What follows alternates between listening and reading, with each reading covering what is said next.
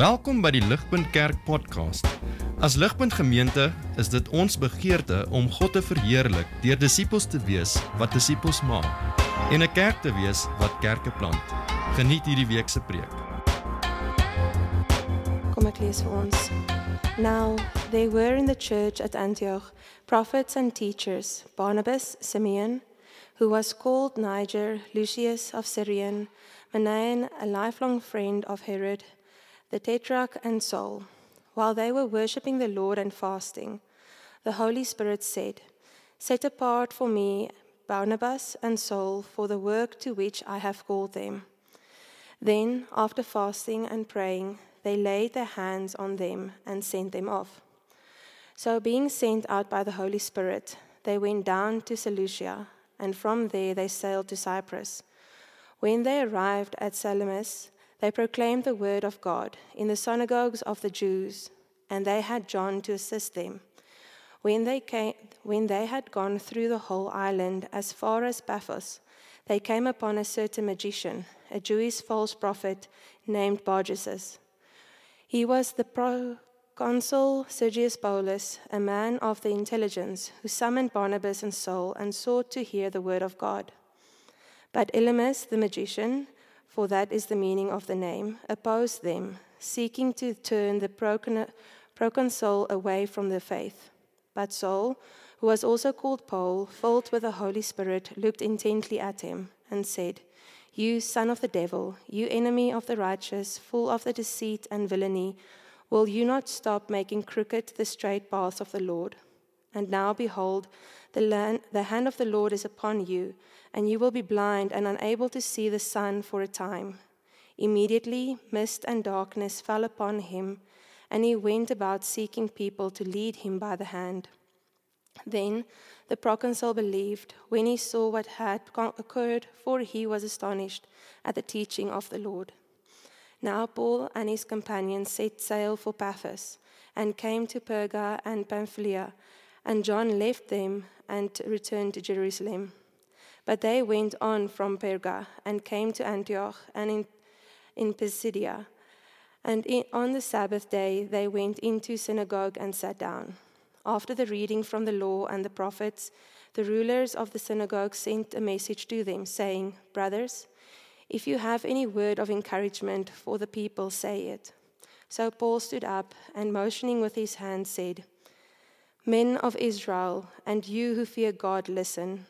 The God of his people Israel chose our fathers and made the people great during the, their stay in the land of Egypt, and with uplifted arm he held them out of it. And for about forty years he put up with them in the wilderness. And after destroying seven nations in the land of Canaan, he gave them their land as an inheritance. Also, this took about 450 years. After, and after that, he gave them judges until Samuel the prophet. Then they asked for a king, and God gave them Saul, the son of Kish, a man of the tribe of Benjamin, for 40 years. And when he had removed him, he raised up David to their, be their king, of whom he testified and said, I have found in David, the son of Jesse, a man after my heart who will do all my will. Of this man's offspring, God has brought to Israel a Savior, Jesus, as he promised. Before his coming, John had proclaimed in baptism of repentance to all the people of Israel. And as John was finishing his course, he said, What do you suppose that I am?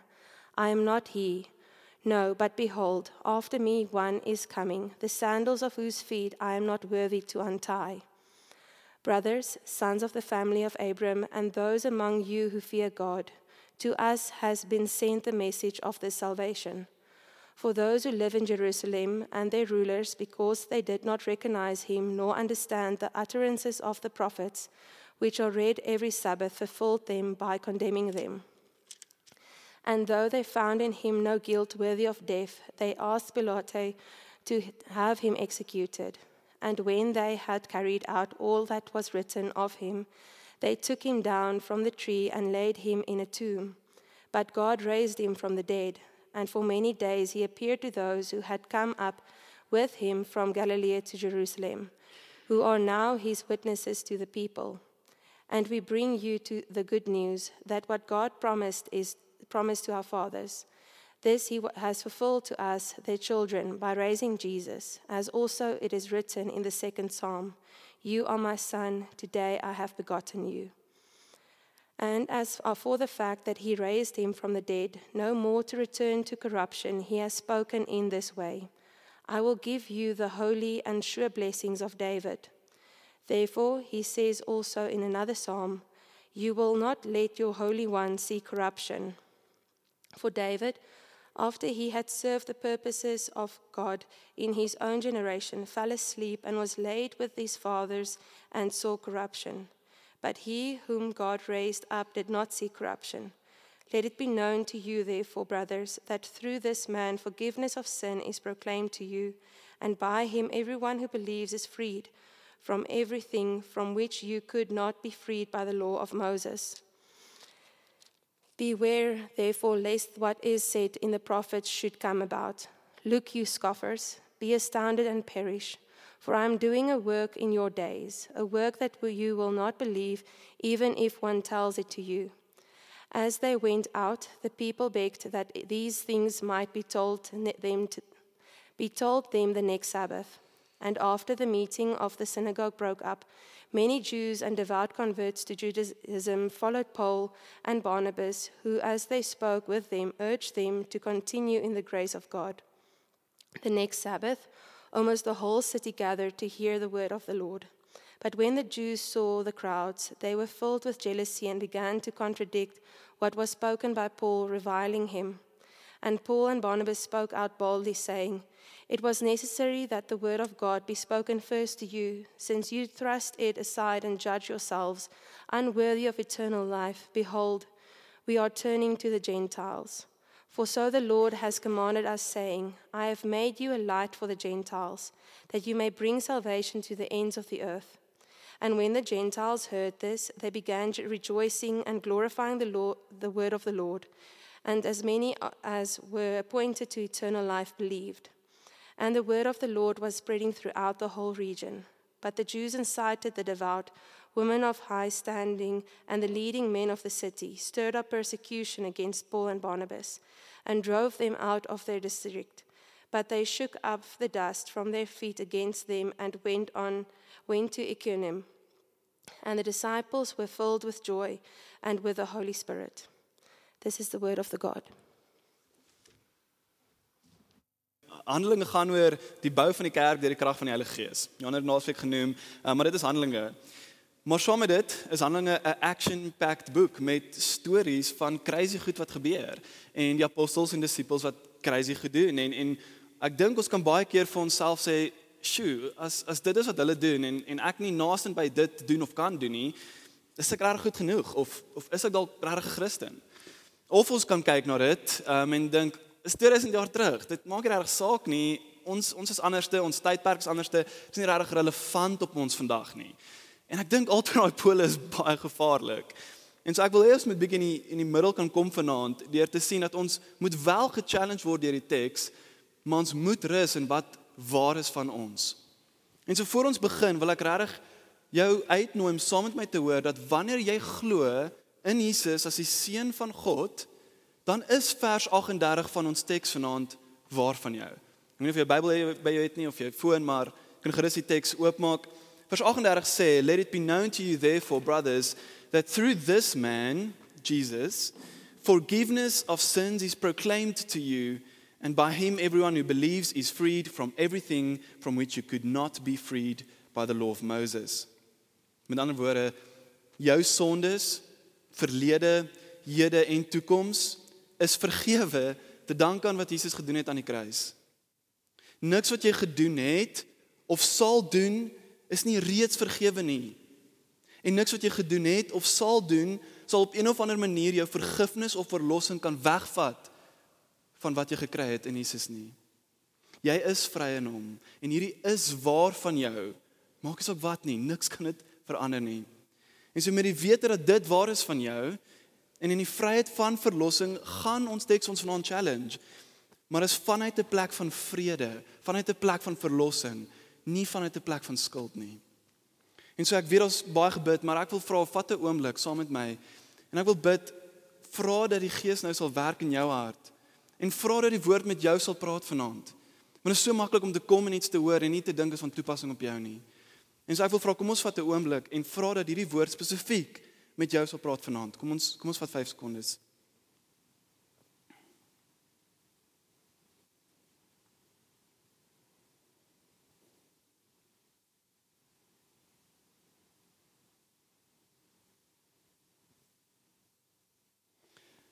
Heilige Gees, ek vra kom en vul hierdie kamer. Ek vra kom vul elkeen se hart vanaand en kom gebruik die woord om kragtig te penetreer in harte vanaand. Here mag ons die woord hoor vanaand en nie onveranderd hier wegloop nie. Mag ons dit vat en waar maak van ons lewe. Ek bid dit in Jesus Christus se naam. Amen. So in die eerste helfte van die 20ste eeu, sê ek terug, was daar 'n gebied in die noorde van Sydney, Australië, wat 'n baie bekende plek was vir surfing, maar ook vir baie sterk strome. En so het baie mense gesurf daar en op 'n dag het 'n jong seun verdrink in hierdie sterk strome. En dit het die nood opgebring vir die locals om 'n surfklub te begin wat sal surfers kry of mense van die community sal kry om beurte te maak om die strand te patrolleer sodat daar nie weer iemand sal verdrink in hierdie strome nie. Hier is 'n actual club, hier is 'n ware verhaal gestig met die naam Fresh Water Surf Life Saving Club. Ek weet dit is 'n lang naam. Ehm um, en die doel van die klub was om mense te red. En so hierdie klub het baie populêr geraak en die gemeenskap het die doel van hierdie klub gesien. Hulle het gedink daar is 'n nood vir dit. Ehm um, maar soos hierdie klub populêr geraak het, het dit ook 'n social life aangeneem. So ons 'n clubhouse gestig en hulle het op Woensdae bingo gedoen en op so, Saterdaaande was daar danspartytjies en hierdie ding het net gegroei en gegroei en sodoende dat hulle die eerste klub moes afbreek en nog 'n klub moes bou wat groter sal wees. En so um, dit was baie populêr geweest onder die mense. Maar daar was 'n klein probleem. Mense was baie eager en baie vinnig om te help by die socials en daar betrokke te wees.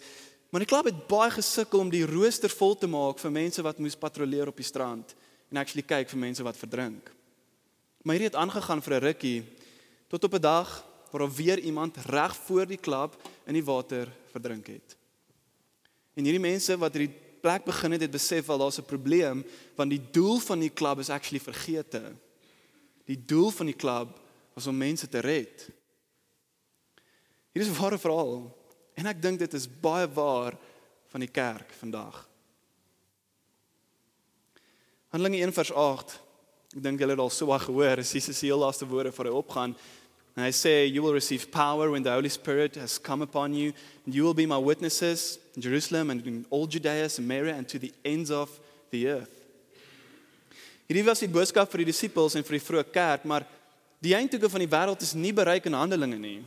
Wat beteken hierdie boodskap leef aan vir ons as kerk vandag? Met ander woorde, as jy jouself 'n disipel van Jesus noem, is hierdie bevel waar van jou dat jy geroep is om Jesus se getuie te wees tot op die eindhoeke van hierdie wêreld en sodat jy Jesus se koninkryk sal bou op aarde. Jesus maak dit baie duidelik. Hy wil hê sy mense, sy disippels, sy kerk moet getuig van hom en sy koninkryk bou sodat mense tot 'n reddende geloof in hom kan kom. Dis die doel van die kerk. En dis die doel van jou lewe hier vanaand as jy jouself 'n disipel van Jesus noem. En so Handelinge 13 gaan vanaand vir ons wys op 'n praktiese en 'n challenging manier hoe kan ons vandag God se koninkryk bou. En so Handelinge 13, ehm um, julle is meer bekend met die reeks seker as ek, maar die spotlight beweeg weg van Petrus na Paulus toe. Ons weet hy is in Handelinge 9 tot bekering gekom, ehm um, in 'n ontmoeting met Jesus op pad na Damaskus. En so die toneel hier vanaand begin by die kerk in Antioch. Dis die kerk wat vir Paulus en Barnabas uitgestuur het. God het gekom met die Heilige Gees en het gesê set apart for me Barnabas en Paulus want hy wil hulle gebruik vir die verkondiging van sy naam en die bou van sy koninkryk. So ons sien God is hier aan die werk. En so van hier af is daar twee groot bewegings. Twee groot bewegings. Die eerste een is die wanneer ons kyk na beide van hierdie bewegings, gaan ons ook kyk by elkeen van hierdie bewegings hoe het God sy koninkryk daar gebou? En as ons klaar dit gedoen het, gaan ons eindig om te kyk okay, so hoe kan ons dan vandag God se koninkryk bou? Ons raai behoort 'n map op te kom, um want as julle soos ek is, is ons geografie terrible en so wanneer ons praat van al die fancy name het ons nie idee wat aangaan nie. Um so kom ons begin by beweging 1. Jy sal sien Asië is daar, dis al die bekendste wat ons het. Um hier begin Paulus se heel eerste sendingreis. Okay? Saam Barnabas en hulle beweeg na Seleucia. Julle sal sien daar's 'n starting point. Daarso by Antioch, Seleucia, Syria. Daar beweeg hulle na Cyprus, die eiland. En van daar af beweeg hulle na die plek met wat genoem is Salamis. Okay? So by Salamis is dit die eerste keer waar hulle die woord preek in die sinagoge.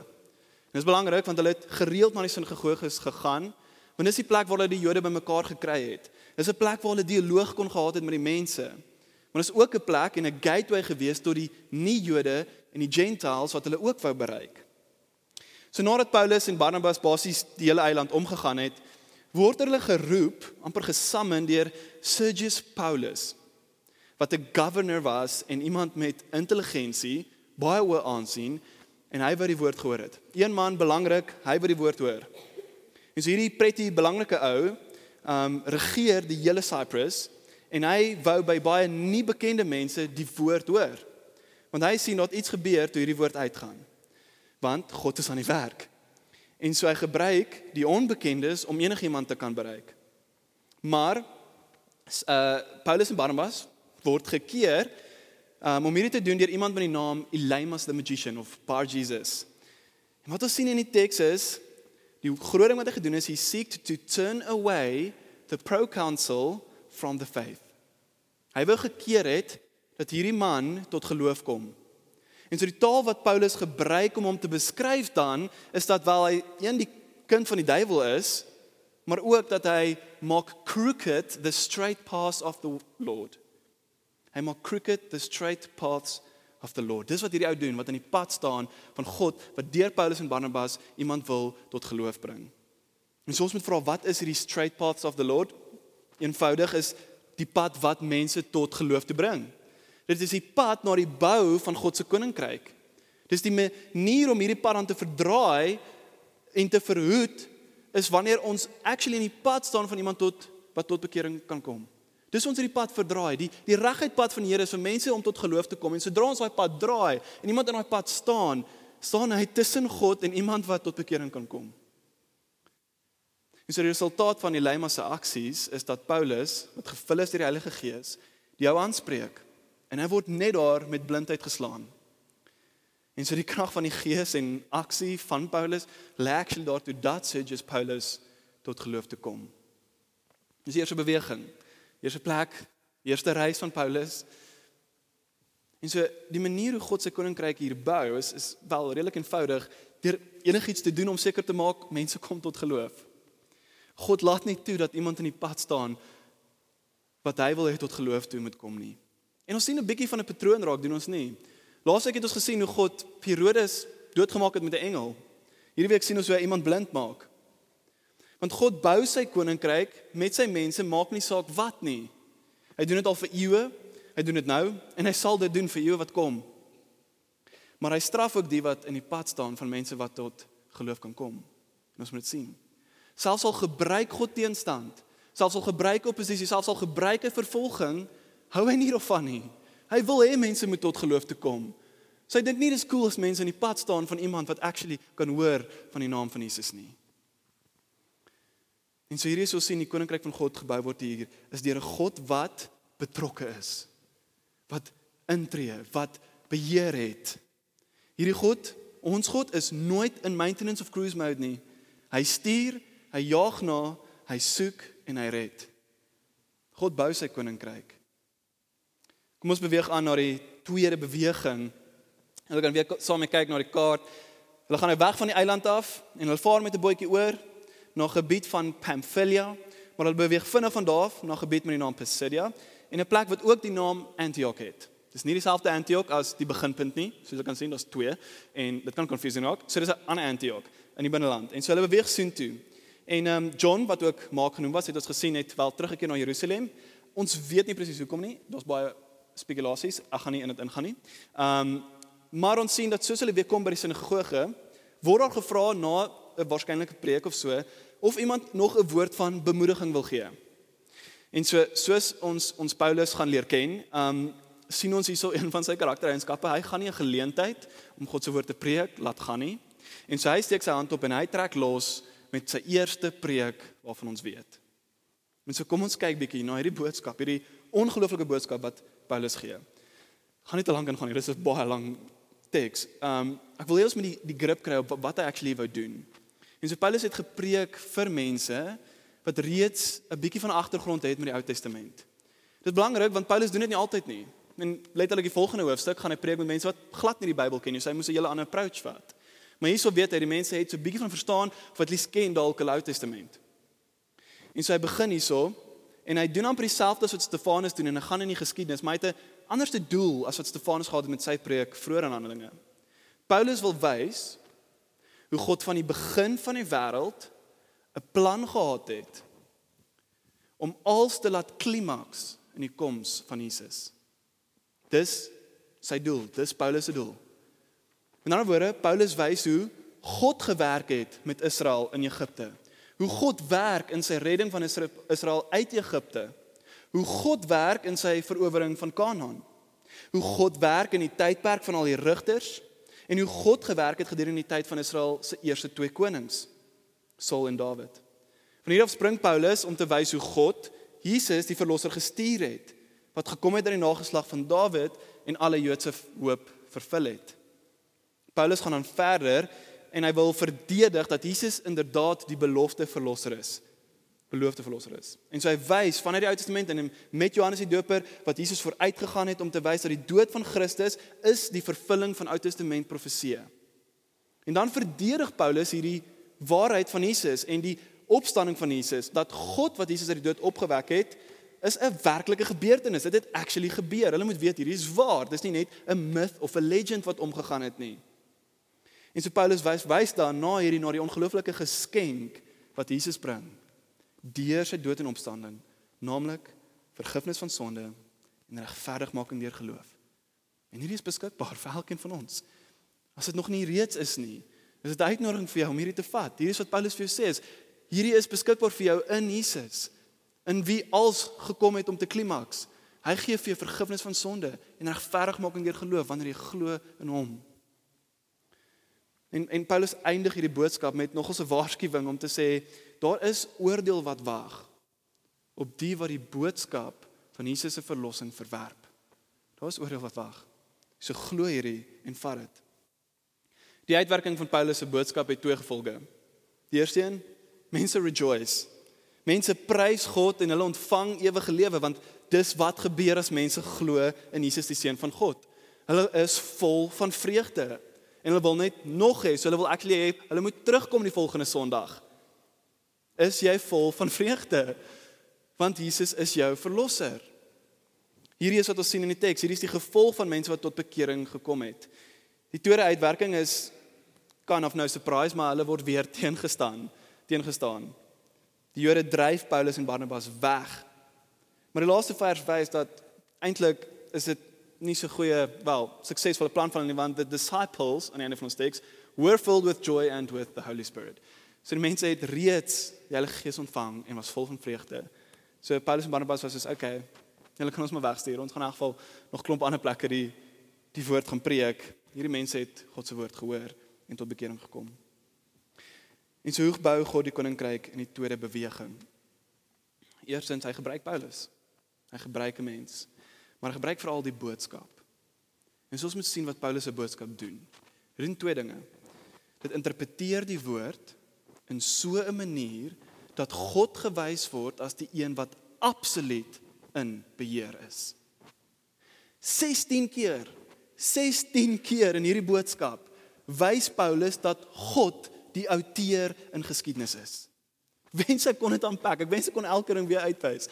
Gaan lees die teks 16 keer praat Paulus van God wat aan die werk is.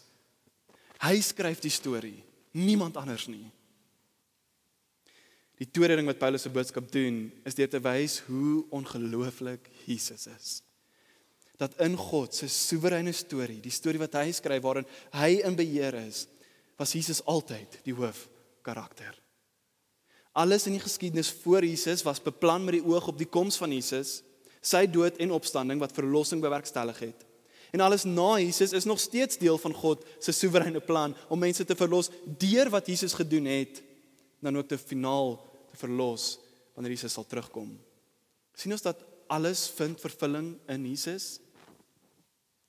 Met ander woorde, die koninkryk van God word gebou hierso en mense kom tot bekering wanneer hulle besef en erken dat God eersins die outeur is van 'n storie met 'n verlossingsverhaal.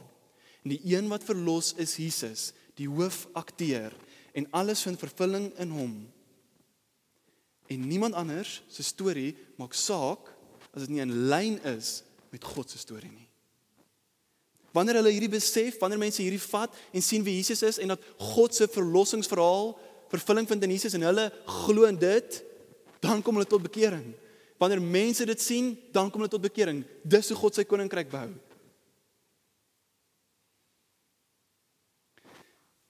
Dit is ook bietjie moeilik om saam te vat en ek wil een woord gebruik wat ek dink dit baie goed beskryf. Net om te wys dat ek wel by college is. Dis 'n Griekse woord. en die Griekse Griekse woord is telos. Die woord telos. Telos beteken die doel, die eindpunt of die vervulling van iets. Die doel, die eindpunt, die vervulling van iets. En wat Paulus vir ons hierop wys is dat Jesus die telos is van die hele skepping. Dis wat hy kom wys. Alles in die geskiedenis of in die hede of in die toekoms wys na Jesus as verlosser. Hy gee betekenis aan alles. En so kyk saam na die prent.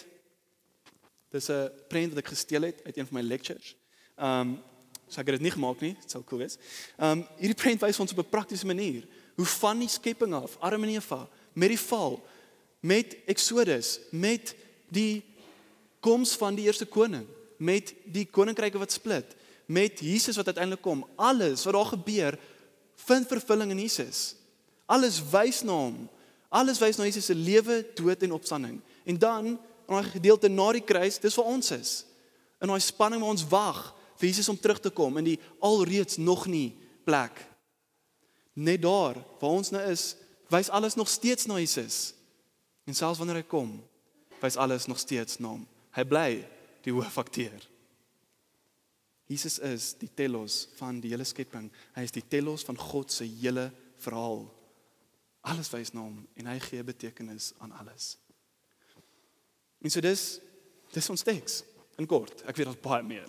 Ehm um, maar dit is nie 'n tyd vir alles nie. Maar dis die teks. En so nou kan ons vra as God sy kerk gebou het op hierdie manier soos ons net in teks, hoe kan God dan sy koninkryk bou vandag met ons wat hier sit?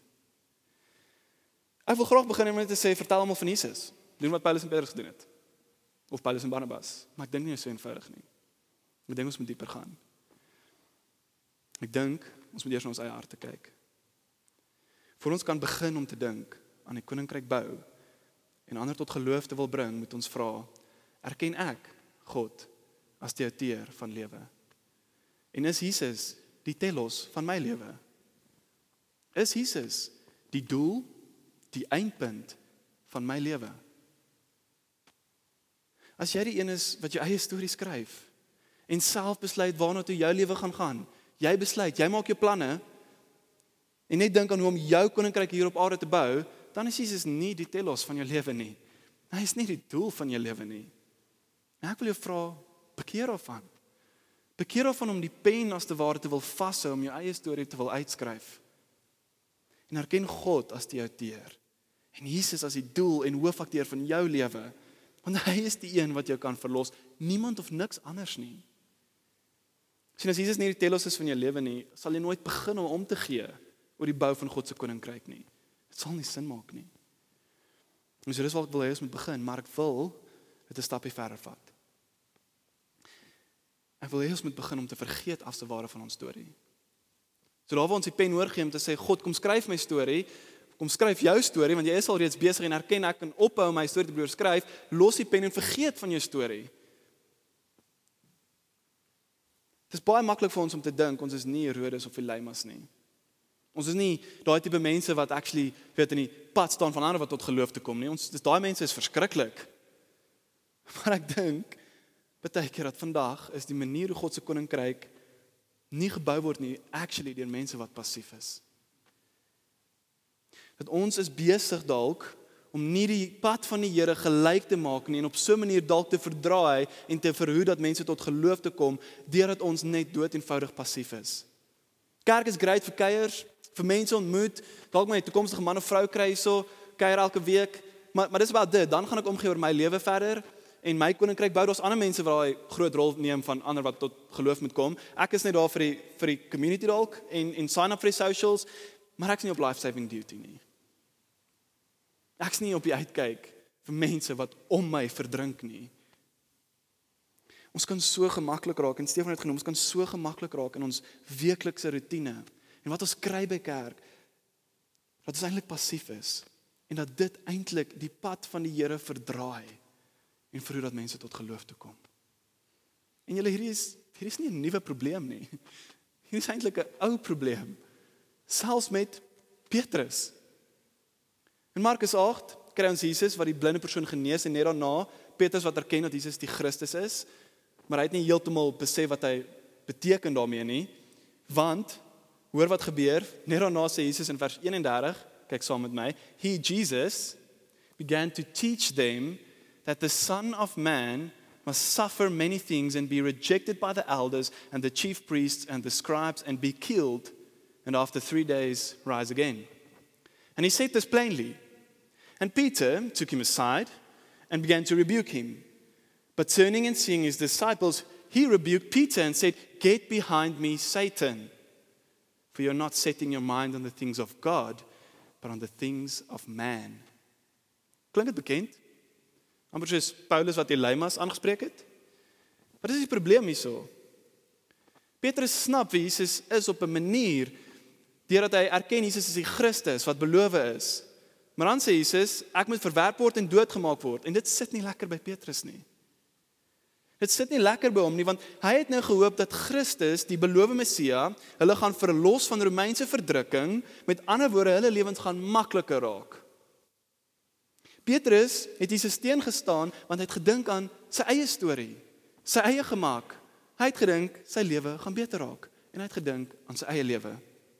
Petrus wat die regheid weer van God verdraai Hy wou doen wat Elimas gedoen het en wat Herodes miskien gedoen het, want as Jesus nie kruis toe gegaan het nie, sou niemand van ons gered gewees het nie. Petrus het in die pad gestaan van die wêreld wat tot verlossing kan kom. En Jesus sê vir hom, "Get behind me, Satan. You're not setting your mind on the things of God, but on the things of man." En ek vra jou, is jou gedagtes gefokus op jou storie, op wat jy aan dink of is jou gedagtes gefokus op God? Is jou gedagtes gefokus op die volgende ding wat jy kan koop vir jouself? Die volgende plan wat jy kan maak om jou rykdom te vermeerder, oor hoe jou volgende 3 jaar plan lyk wat jou bevoordeel? Dink jy eenvoudig net aan jouself? Of is jy besig om te dink aan wat God aandink? The things of God, sy wil, sy pad, sy koninkryk.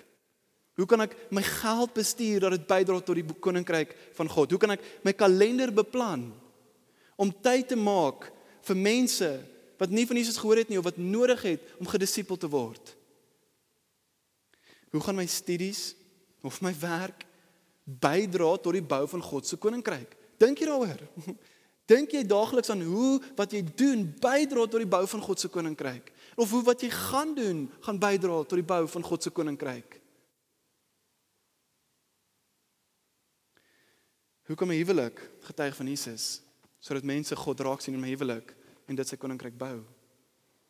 Hoe dink ek oor my verhoudings en ander op so 'n manier dat God verheerlik kan word? Wat is God se wil vir my lewe? Julle hier is nie maklik nie. Ek erken dis nie maklik nie. Maar Jesus het nooit gesê dit gaan maklik wees nie. Net hierna, net na Petrus se insident, hoor wat sê hy? Calling the crowd to him with his disciples.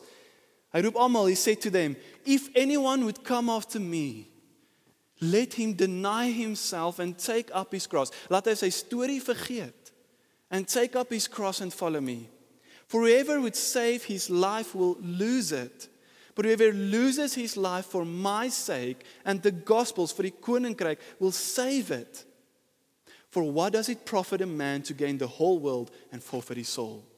Wat help dit jou as jy voor God staan en jy sê kyk my rykdom, Kyk wat het ek gedoen op aarde. Kyk hoe ek my koninkryk gebou, maar jy verloor jou siel. For what can a man give in return for his soul? Forever is ashamed of me and of my words in this adulterous and sinful generation. Of him will the Son of Man also be ashamed when he comes in the glory of his Father with the holy angels. Ons moet gemak verwyder. En ons doen dit deur ons kruis op te tel en Jesus te volg. Wat beteken ons vergeet van ons eie storie en ons dink aan hoe ons kan deel vorm van God se storie. Want dan sal ons sy koninkryk bou. En so ek ek is amper klaar. Ons kan nou gaan en sê, "Wel, vertel maar van Jesus." Maak jou lewe tel, bou God se koninkryk. Ek dink nie ek's verkeerd om om te sê ons ons kyk na Pretoria as Christene, ons kyk na Suid-Afrika en ons voel so 'n bietjie hopeloos nie. Dis baie wat verkeerd gaan. Dis baie wat waarskynlik nog gaan verkeerd gaan. Die die statistieke lyk nie great nie en ons verloor so 'n bietjie hoop en ons dink dalk om Johan te quote van laasweek dat God dalk so 'n bietjie die bal gefumble het hier in Pretoria of Suid-Afrika. En ek wil vir ons sê dat as ons so dink, wat Christene is, hoeveel te meer dink nie Christene so? Hoeveel te meer dink mense wat nie God ken nie dat wel daar nie hoop is vir hierdie land nie of hulle lewens nie of daar nie betekenis vir hulle is nie. Besef julle vanaand dat ons sit met die goeie nuus en die hoop wat duisende mense wat tans verdrink kan red. Die boodskap dat die skepper van die heelal nie onaktief is nie, maar absoluut in beheer is met elke dag hierso, met elke kragonderbreking, met elke korrupsie. God is in beheer. En hy's besig met sy storie, met sy verhaal om mense te red. Hy het nie opgehou nie, hy's nie onaktief nie. Wanneer ons dit glo en vir mense kan vat, kry hulle hoop. Ons kan hoop gee vir die hopeloses. Daar is 'n God wat in beheer is en jy kan deel vorm van sy storie wanneer jy glo in sy hoofakteur Jesus wat jou kan red. Die boodskap dat in Jesus die telos, die begeerte van die eeue vervul is en dat ons kan glo in hierdie Jesus gee hoop aan die hopeloses. Julle die plan van die Skepper is aktief. En elkeen van ons kan betekenis vind en elkeen daar buite kan betekenis vind deur deel te vorm van hierdie Skepper se plan. Dit gee vir ons sekuriteit wat deur die sterkste storms nie vernietig kan word nie. En dit gee vreugde in die middel van enige storm. En so ek vra ons almal hier ligpunt. Jesus kom terug. En die wat nie in hom glo nie, gaan onder God se oordeel staan. Dis dis 'n feit. Ons moet gaan en hierdie boodskap kommunikeer. Ons moet getuig van Jesus. Jy moet getuig van hom. Ek moet getuig van hom. En ek weet nie met wie jy in kontak is of waar jy beweeg in jou week nie, Maar ek weet daar is baie mense om jou wat nie hierdie boodskap glo nie. Ek bely vir hulle dat ek nie getuig van Jesus soos ek moet nie. En hierdie teks het my geruk. En ek moes besef dat ek wil nie hê dat Markus 8 moet waar wees in my lewe nie. Ek wil nie kom eendag by Jesus en hoor dat ek skaam is oor sy woorde en dat hy dan skaam is oor my voor die Vader nie. So ek vra ons, kom ons vra vergifnis by Jesus. Ons is nie aktief besig met hierdie. Kom ons vra vergifnis, vra dat ons vergewe en dan poog ons saam om nie skaam te wees oor Jesus en hierdie goeie nuus nie. Daar is genoeg slegte nuus daar buite. Ons het goeie nuus om te deel. Dis die waarheid en is hoop. Julle hier het 'n doel. En is nie om net 'n social club te wees nie. Community is amazing, dis belangrik, dis ongelooflik. Dis 'n goeie ding. Maar dis nie alwaar kerk is nie. Moenie vergeet dat daar duisende is wat om ons verdrink nie. Ek wil nie hê ons moet almal elke een vergeet van hierdie. Ek vra julle en ek pleit julle gaan vanaand, gaan in hierdie week, gaan sit, skryf dit neer. Ek weet nie hoe nie, maar dink, dink aktief. Hoe alles in jou lewe kan bydra tot die bou van God se koninkryk. Gaan vra jouself sodat ligpunt actually 'n werklike punt van lig kan wees in Pretoria. Ek sluit af met 'n quote. Ek love die quote. Dis challenging, dis baie bekend, jy het waarskynlik al gehoor. Maar hoor dit weer. There's only one life. Only one life. And it will soon be past. And only what's done for Christ will last. Kom ons bid. Almagtige Skepper, outeur van lewe, Ons kom na U vanaand. En Here, ek bely en ek bly saam met die mense hier dat ons nie getuig van Jesus soos ons moet nie. Dat ons baie keer vergeet dat U die doel is en die doel moet wees van alles in ons lewens. En dat ons net ons eie planne maak oor hoe ons ons koninkryk kan bou. Maar ek vra mag ons bekeer van dit. Ek bekeer van dit. Mag ons draai na U en die pen teruggee vir U. Mag U ons storie skryf. Mag ons deel vorm van U storie waar Jesus die verlosser is, die een wat vir ons vergifnis gee en ons regverdig verklaar het. Mag ons daai boodskap van goeie nuus vat en vir die wêreld verkondig waar ook al ons gaan. Nie stil bly oor U nie. Nie skaam wees oor hierdie goeie nuus nie. Here, ek bly dit by U. Mag Jesus altyd die telos wees van ons lewe. Mag ons hom verkondig as die telos van elkeen se lewe daar buite. Spirit in die grootte God, skepper van die heelal se naam. Amen.